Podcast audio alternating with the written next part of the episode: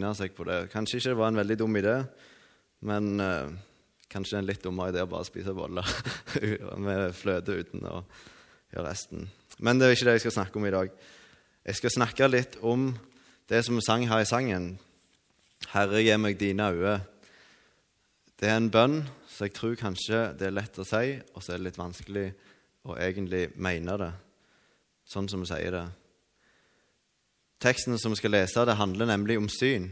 Det handler om disiplene som ikke hadde fått øynene opp for det Jesus sa til dem om sin lidelse og død. Og så handler det om en blind mann som fikk syn igjen av Jesus. Og Derfor skal jeg snakke litt om syn. Det er kanskje en litt merkelig måte å lese den teksten på, eller snakke om den, men det er iallfall det jeg føler jeg har fått jeg skulle si i dag. Men skal vi be først? Kjære himmelske Far, jeg har lyst til å takke deg for livet. Jeg har lyst til å takke deg for at du har skapt meg, og at du har skapt hver enkelt som sitter her inne. Jeg takker deg for at du elsker oss så høyt at du ga Jesus til å dø og til å overvinne det vonde for oss, selv om vi mange ganger er utakknemlige. Jeg takker deg, Jesus, for at du valgte å komme ned, valgte å bli menneske og valgte å prøve hvordan det er for å kunne redde oss. Jeg takker deg for at din kjærlighet er mye større enn det vi klarer å forstå. Og jeg ber deg om at du må gi oss dine øyne. Jeg ber om at du må komme til oss nå og være her hos oss og hjelpe oss til å åpne opp vårt hjerte for ditt ord. Og så ber jeg om at du med Den hellige ånd må gi liv til ditt ord, sånn at vi kan ta det med oss, og det ikke bare blir noe som vi sier med munnen, sånn som fariseerne. Det ber jeg om i ditt navn, Jesus. Amen. Vi leser ifra Lukas evangelium, kapittel 18, fra vers 31 til 43. Han tok de tolv til side og sa til dem, Se, vi går opp til Jerusalem, og alt som er skrevet av profetene om menneskesønnen, skal oppfylles. For han skal overgis til hedningene og bli hånet og mishandlet og spyttet på. De skal hudstryke ham og slå ham i hæl, og på den tredje dag skal han oppstå. Men de forsto ikke noe av dette, og dette ord var skjult for dem, og de skjønte ikke hva han sa. Og det skjedde da han kom nær til Jeriko, at en blind mann satt ved veien og tigget. Da han hørte at mye folk gikk forbi, spurte han hva dette var. De fortalte ham da at Jesus fra Nasaret gikk forbi, og han ropte og sa, 'Jesus, du Davids sønn, miskunne deg over meg.' De som gikk foran, truet ham og sa at han skulle tie, men han ropte enda mye mer, 'Du Davids sønn, miskunne deg over meg.' Da stanset Jesus og bød at de skulle føre den blinde til ham. Og da han var kommet nær, spurte han ham, 'Hva vil du jeg skal gjøre for deg?' Han sa, 'Herre, at jeg må få syn igjen.' Og Jesus sa til ham, Bli seende, din tro har frelst deg. Og straks fikk han syn igjen. Han fulgte ham og lovet Gud. Og hele folkemengden som så dette, priste Gud. Her ser vi, som jeg sa, at Jesus forteller at se, nå går jeg opp til Jerusalem. Og det som er blitt fortalt om meg profetene, av profetene, det skal nå skje. Og så står det at disiplene forsto ikke det han sa, fordi det var ennå skjult for dem. Øynene hadde ennå ikke blitt åpna opp skikkelig. Og så ser vi den blinde mannen som sitter og hører at noe foregår. Eh, det er litt oppstyr, og folk møter, går til veien for å se hva som skjer. Og han kan ikke se sånn som de andre. Så derfor må han spørre hva det er som skjer. Så sier de det er Jesus som kommer. Jesus fra Nasaret. Så må han sannsynligvis ha hørt om han pga. at han forsto at oi, han kan helbrede meg. Og så ropte han selv om folk prøvde å stoppe han. Og Jesus han var ikke ute etter bare å gå seiersgangen og høre på folkene. Han så den ene, sånn som vi sang ene sangen. Han så den blinde, og så hørte han på bønnen hans, og så åpna han opp øynene på han. Uh, syn er en veldig viktig ting. Øynene er ganske viktige for oss mennesker. Det tror jeg vi kan være enige om. allikevel så blir jeg imponert over de som ikke har synet, eller som har mista det. Hvordan de kan klare seg med hjelp av en hund eller en blindestokk. Eh, det syns jeg ser veldig vanskelig ut, men de klarer seg veldig godt. Men jeg tror vi kan være enige om at det er en veldig stor fordel å ha synet. For meg, da har vi kontrollen og vi har oversikten, og vi kan liksom få med oss veldig mye av det som skjer eh, med øynene. Så vi har lov å være takknemlige for at vi har fått øyne. Uh, og jeg tror jeg vet ikke om dere, jeg tror ikke det går an å ikke ha fått med seg at det er VM som pågår uh, i Oslo nå. Det er stort oppstyr, og alle tar helt av for seg sjøl. Iallfall i Oslo. Uh, men så er det en annen ting som vi har sett, hvis vi har fulgt med. Jeg har fulgt med litt. Og det var at I begynnelsen av uka var det mye tåke. Sånn at når løperen kom gående, så så ikke de tilskuerne egentlig hvem som kom, før de var helt, helt oppi dem. Så de måtte bare høre på ropene eller på liksom stemningen at ok, nå skjer det noe. Nå kommer kanskje det er Marit som kommer, og så heier de dem fram. Kanskje de tilskuerne tenkte at ok, dette ble litt ødelagt. Vi hadde trodd at det skulle være fint vær, vi hadde trodd vi skulle få se absolutt alt, og så måtte vi bare, ble de ennå bare et lite sekund vi fikk se dem pga. tåka ødela. Tåka kan ødelegge mye for oss mennesker. Jeg liker veldig godt å gå i fjellet. jeg vet ikke om dere gjør det. Men hvis dere gjør det, så dere kanskje merke at eh, det er ikke så lett å orientere seg i toga. Jeg, jeg kommer fra gård. Eh, jeg er veldig glad i å samle sauer. Så var jeg med en gang noen eh, erfarne sauegjedere, eller sauebønder. Vi gikk og skulle samle sauer. Og så var tåka så tjukke at vi så nesten ingenting. Og Så måtte vi ta fram kartet for å finne ut hvor vi var hen. Vi fant ut det var lurt å gå sammen istedenfor å gå én og én. For det hadde vi iallfall ikke funnet fram. Så så vi ok, vi måtte være i, i nærheten av en stor dam, en stor, en stor demning da, som ligger i Sirdalen i Sydøskar. På grunn av at nå så vi vannet, nå så vi, hadde vi kommet der. Så fant vi ut at det var betryggende. Nå visste vi hvor vi var henne. Men det viser seg at toga kan lure oss. For den dammen som vi så, som vi trodde var en kjempestor demning, den var så liten at vi kunne hoppe over. Eh, plutselig så ble det litt mer populært å bruke kompass. Det ville de egentlig ikke bruke, for vi klarer ikke godt uten kompass. Men det viser seg at toga kan kan lure eh, sjøl de beste bøndene. Og det er en kjensgjerning at vi fort går i ring hvis vi går i toga, uten å ha en vei å fylle eller et kompass å fylle. Hvorfor snakker jeg om dette her? Bibelen sier også mye om syn. Han bruker det i mange bibelvers.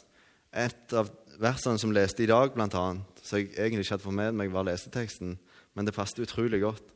Um, det var det der står at nå ser vi som i et speil, i en gåte, og da skal vi se ansikt til ansikt. Og det er en ting jeg har tenkt på.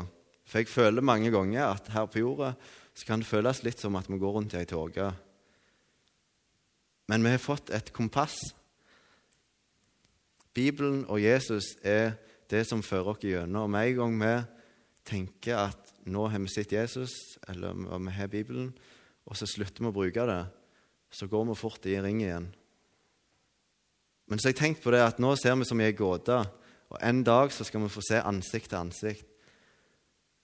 Og det som har slått meg, da, er at tenk den dagen når det går opp for deg endelig hvor stort det Jesus har gjort for dere, faktisk er. Jeg vet ikke om dere følte det sånn, men jeg føler det iallfall sånn av og til. At jeg kjenner ikke på en sånn en takknemlighet som jeg egentlig burde ha over det Jesus har gjort. Det er vanskelig å ta inn over seg det Jesus har gjort, og hvor stort det faktisk er. Jeg skulle ønske at det, liksom en, at det var en trang i meg til å takke Gud egentlig konstant. Og så står det her at nå ser vi som i ei gåte. Da skal vi se ansikt til ansikt. En dag så skal vi faktisk få se Jesus sånn som han er. Og da tror jeg at vi òg vil endelig få se egentlig hvor stort det var det han gjorde for oss. Og da tror jeg en takknemlighet vil fylle oss. Eh, en takknemlighet som ikke klarer å forestille oss engang nå. Og det er det håpet som vi lever i, at en dag så skal vi få se ansikt til ansikt. Og nå kan vi òg få skimte han men det forblir som i ei gåte så lenge vi er her på jorda.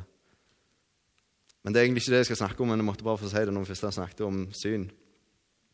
Men Skiviken Vi var sist helg på Skiviken med spor. Og da var det han Kjartan Aano, som var tidligere ungdomsarbeider her, som var med som taler. Og på lørdagen, så istedenfor å ha en tale, så leste han eh, meg og han delte på å lese Bergprekenen. Og det er en ting som jeg egentlig drømte om eh, å gjøre mer. For det er en tale som Jesus hadde sjøl, eh, og som dermed vi burde lese mer, kanskje, og bruke mer. Og det som meg, slo meg når vi leste den, det var at den er utrolig utfordrende. Jeg tenkte på det, jeg lurer på hvis noen hadde holdt den talen f.eks. i ei statskirke Si det var en biskop i en eller annen stor sammenheng som hadde holdt bergpreken til Jesus, så lurer jeg på hvordan den norske pressa hadde reagert. På grunn av det ganske Det er veldig utfordrende, det han sier. Jeg tror den eventuelle biskopen eller presten som hadde holdt talen, ville fått høre at vet du hva, du kan ikke si noe sånn. Det er jo så dømmende, og det er så fjernt ifra den kjærligheten eh, som, som Jesus snakket om. Du kan ikke si noe sånn. Jeg tror kanskje at han måtte telt på knappene litt i forhold til sin stilling òg. Nå vet jeg ikke, nå, nå dikter jeg litt her, men, jeg, men, når vi leser virkelig hva Jesus sier, så er det veldig kanskje harde ord. Og kjærligheten som han møter dere med, er annerledes enn den kjærligheten som verden tilsier Jesus. For Jesus er kjærlighet, og han er, den er mye større enn det vi kanskje klarer å forestille oss. Vi skal lese litt av det som står i Matteus kapittel 5 fra vers 43 til eh, kapittel 6 og så vers 4. Skal vi se Dere har hørt dere sagt, du skal elske din neste og hate din fiende. Men jeg sier dere, Elsk deres fiender. Velsign den som forbanner dere. Gjør vel imot dem som hater dere, og be for dem som forfølger dere, for at dere kan bli barn av deres Far i himmelen. For han lar sin sol gå opp over onde og gode, og lar det regne over rettferdige og urettferdige. Om dere nå elsker den som elsker dere, hva lønn har dere da? Gjør ikke også tollerne det samme? Og om dere hilser bare på deres brødre, hva stort gjør dere da? Gjør ikke også tollerne det samme? Vær da fullkomne, like som deres himmelske Far er fullkommen. Ta dere i vare så dere ikke gir deres almisser for øynene på folk for å bli sett av dem. Da har dere ingen lønn hos deres Far i himmelen. Når du gir almisse, skal du ikke gjøre det kjent med basun slik hyklerne gjør i synagogene og på gatene, for å bli æret av mennesker. Sannelig sier jeg dere, de har alt fått sin lønn.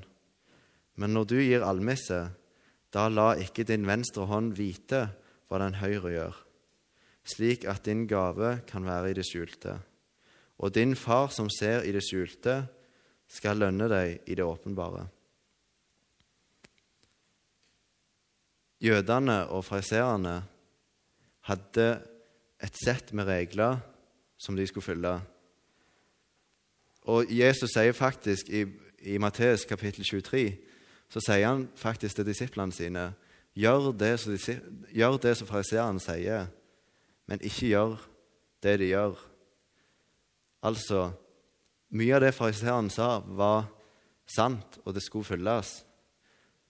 Eller de skulle gjøre etter det de sa, men de skulle ikke gjøre etter det de gjorde. Og så kommer Jesus og sier og setter på en måte grenser enda strammere enn det, enn det de hadde i tradisjonen. Dere har hørt det sagt dere skal elske deres neste og hate deres fiende. Men jeg sier dere dere skal elske også fienden. Vær der fullkomne. Vi vet at vi kan ikke bli fullkomne her på jorda. Vi vet at vi er syndere, men Jesus forteller oss noe om hvordan vi skal møte mennesker. Hvordan hans kjærlighet var og er. jeg tror vi mennesker Grunnen til det traff meg mye, var fordi at jeg merker at når jeg gjør gode ting mot andre mennesker, gode ting i mine øyne, så er det kanskje mest mot folk som jeg merker jeg kan få noe godt igjen av. Eller så jeg ikke må gi så veldig mye av meg sjøl for til å hjelpe. Men her står det at elsk deres fiender. Velsign den som forbanner dere, og gjør vel imot den som hater dere. Om dere hilser bare på deres brødre, hva godt gjør dere da? Og om dere elsker bare de som elsker dere, hvor gjør, godt gjør dere da? Jeg har en tendens til å kun eh, bry meg om de som bryr, bryr seg om meg. For hvis det er noen som ikke bryr seg om meg, så blir det altfor mye stress å bry meg om de. Jeg kan kanskje ofre en bønn på dem av og til, men noe mer enn det, det tapper meg altfor mye for krefter. Er det, det vi er, kalt, er det sånn vi er kalt til å tenke? Eh, det ser ikke sånn ut, og det slo meg veldig hardt. og Det, meg, det er egentlig litt vanskelig å stå og snakke om det her, for jeg er så redd for at jeg sjøl skal bli ei sånn klingende bjødle som bare står og sier det, og så, og så får det ikke bli en sannhet inn i mitt liv. Lukas eh, gjenforteller det Jesus sier, på en enda sterkere måte fra kapittel 6, vers 32 til 36. Om dere elsker dem som elsker dere, hva, hva er det å takke dere for? Også syndere elsker jo dem som elsker dem. Og om dere gjør vel imot dem som gjør vel imot dere, hva er det å takke dere for? Også syndere gjør det samme. Og om dere låner ut til den som dere håper å få igjen av, hva er det å takke dere for? Også syndere låner ut til syndere for å få likt igjen. Men elsk deres fiender, gjør vel og lån bort uten å vente noe igjen. Da skal deres lønn bli stor, og dere skal være den høyestes barn. For han er god mot utakknemlige og onde. Vær barmhjertige, like som også deres far er barmhjertig. Gud er god mot de som er utakknemlige. Og så sier han vi skal være sånn som han. Og så må jeg tenke eh, det er veldig vanskelig å være god mot noen som er utakknemlige. Men han kaller oss til å gjøre det. Han sier vi skal gå to mil med noen som tvinger oss å gå én mil. Hvis vi går gjennom de siste ukene av livet vårt, hvordan har vi brukt tida vår da? Hvem har vi brukt tid med? Hvem har vi bedt for? Hvem har vi gjort noe godt for? Er det mennesker som som har kunnet gjort det samme tilbake igjen mot dere? Eller er det mennesker som kanskje er utakknemlige, eller som ikke har mulighet til å gjøre godt tilbake igjen fordi de kanskje er i en annen situasjon enn det vi er? Eller bygger vi oss opp en, et liv som gjør at de her, vi unngår de utfordringene som Jesus kommer med, med 19 i stil? Vi har mange gode kristne venner, og det er veldig viktig. Det er viktig å ha et fellesskap. Gud har kalt dere til å stå sammen. Men han har ikke kalt dere til å stå sammen eh, uten å møte utfordringer, for da hadde han tatt dere rett til himmelen. Og det kan vi se fram til at skjer en gang. Men jeg tror han har kalt dere til å være hans sitt legeme her på jorda. Og det sier han tydelig her i bergprekenen. Og Nå blir jeg enda litt, mer personlig her, for det er veldig utfordrende. Og det er det at jeg, Når jeg gjør ting, må jeg innrømme at mye av det jeg gjør, det gjør jeg, og så liker jeg litt hvis folk legger merke til det. Eller hvis jeg får noe igjen for det. Akkurat som at jeg, at jeg må skåre noen poeng hos meg sjøl eh, eller andre når jeg gjør gode ting. Eh, gode ting i mine øyne. Jeg bruker helst som sagt tid på de som jeg får noe godt igjen for, eller som jeg har det kjekt med. Eh, og hvis jeg møter folk som det kanskje er litt utfordrende å være med, så fortsetter jeg kun hvis jeg merker at, at det er framgang, eller at, at, det blir lettere og lettere for meg å være med dem. For det at Hvis ikke, så blir det liksom Ja. det er vanskelig å fortsette å, å, bruke tid med en person hvis ingen andre ser at jeg gjør det, eller hvis, hvis jeg merker at den personen fortsatt blir vanskelig, eller krever mye av meg. Og så merker jeg at jeg begynner å tenke egentlig sånn at, at i alt jeg gjør, så må jeg merke, få en god følelse for det jeg gjør, og så må jeg merke det er framgang. For da er jeg på ett spor. Og så har det slått meg bare Tenk hvis Jesus skulle ha tenkt det samme.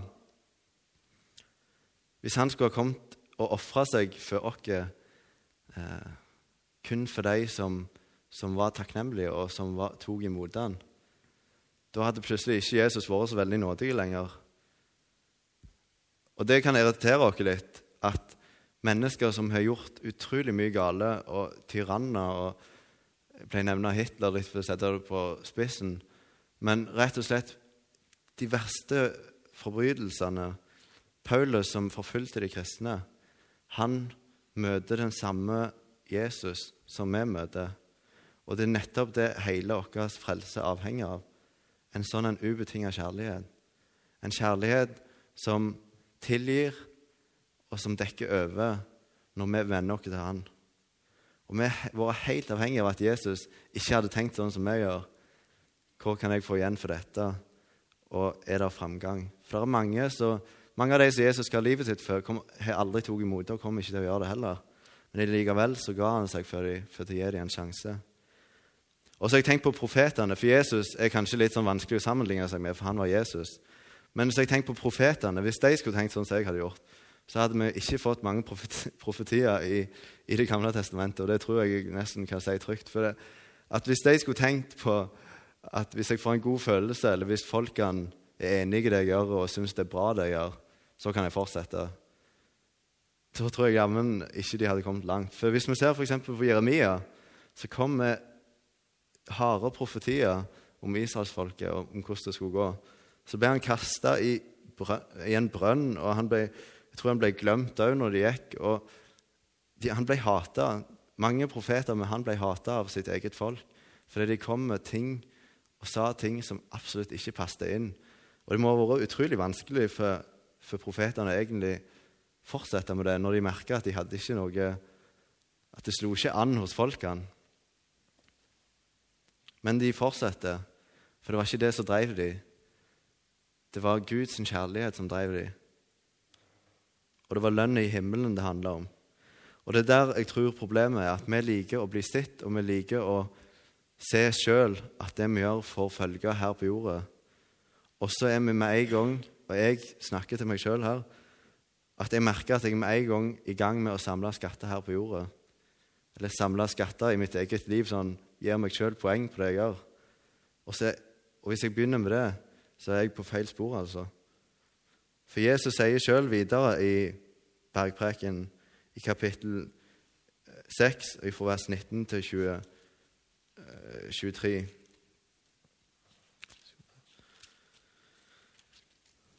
Samle dere ikke skatter på jorden, hvor møll og rust tærer, og hvor tyver bryter inn og stjeler, men samle dere skatter i himmelen, der verken møll eller rust tærer, og tyver ikke bryter inn og stjeler. For hvor din skatt er, der vil også ditt hjerte være. Øyet er legemets lys. Er ditt øye friskt, da vil hele ditt legeme være opplyst. Men om øyet ditt er sykt, da blir hele legemet mørkt. Er nå selve lyset i deg mørke, hvor dypt blir det mørke?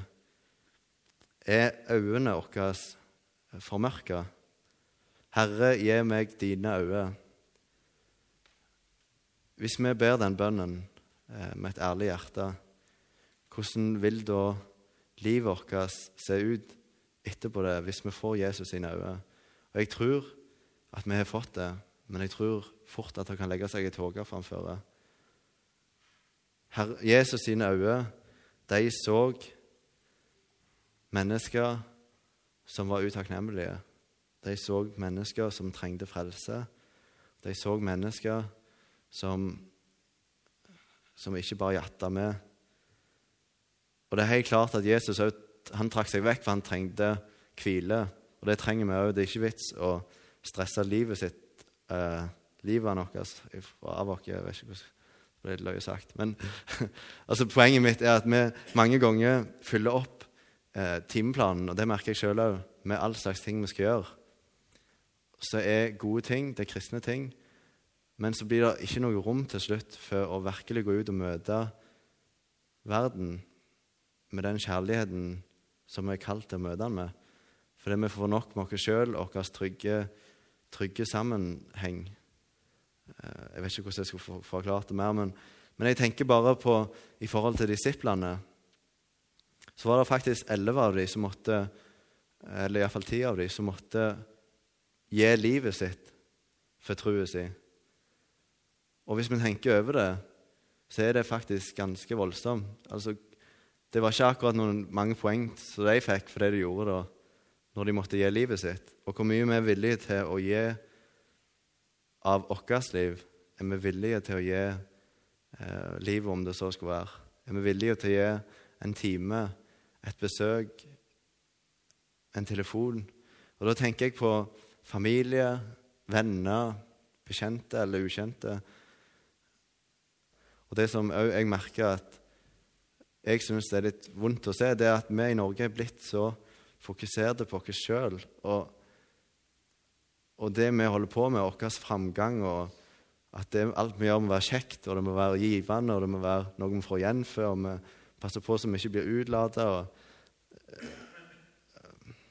At, at de som kanskje har gått før oss, blir sittende, og vi har ikke tid til å å sette dere ned med dem, vi som er oppe og går. Og der tror jeg vi kristne har en jeg, jeg, vet at det er mange kristne og vi, som, som, kanskje er annerledes på akkurat det. Men jeg tror vi kan ta en utfordring, ikke bare i forhold til, til det, men også til andre mennesker rundt dere som, som trenger, trenger, kjærlighet og omsorg. At vi kan være annerledes, og at den kjærligheten som, som Morris også snakket om, at den kan virkelig få stråle gjennom oss på samme måte som Jesus viste sin kjærlighet når han gikk her nede. For han har kalt dere til å være sitt legeme på jorda. Han har kalt dere til å fylle seg. Og så handler det ikke om noe om at vi skal bli mer kristne. For vår kristendom handler jo kun om at vi tar imot Jesus og det han har gjort for oss.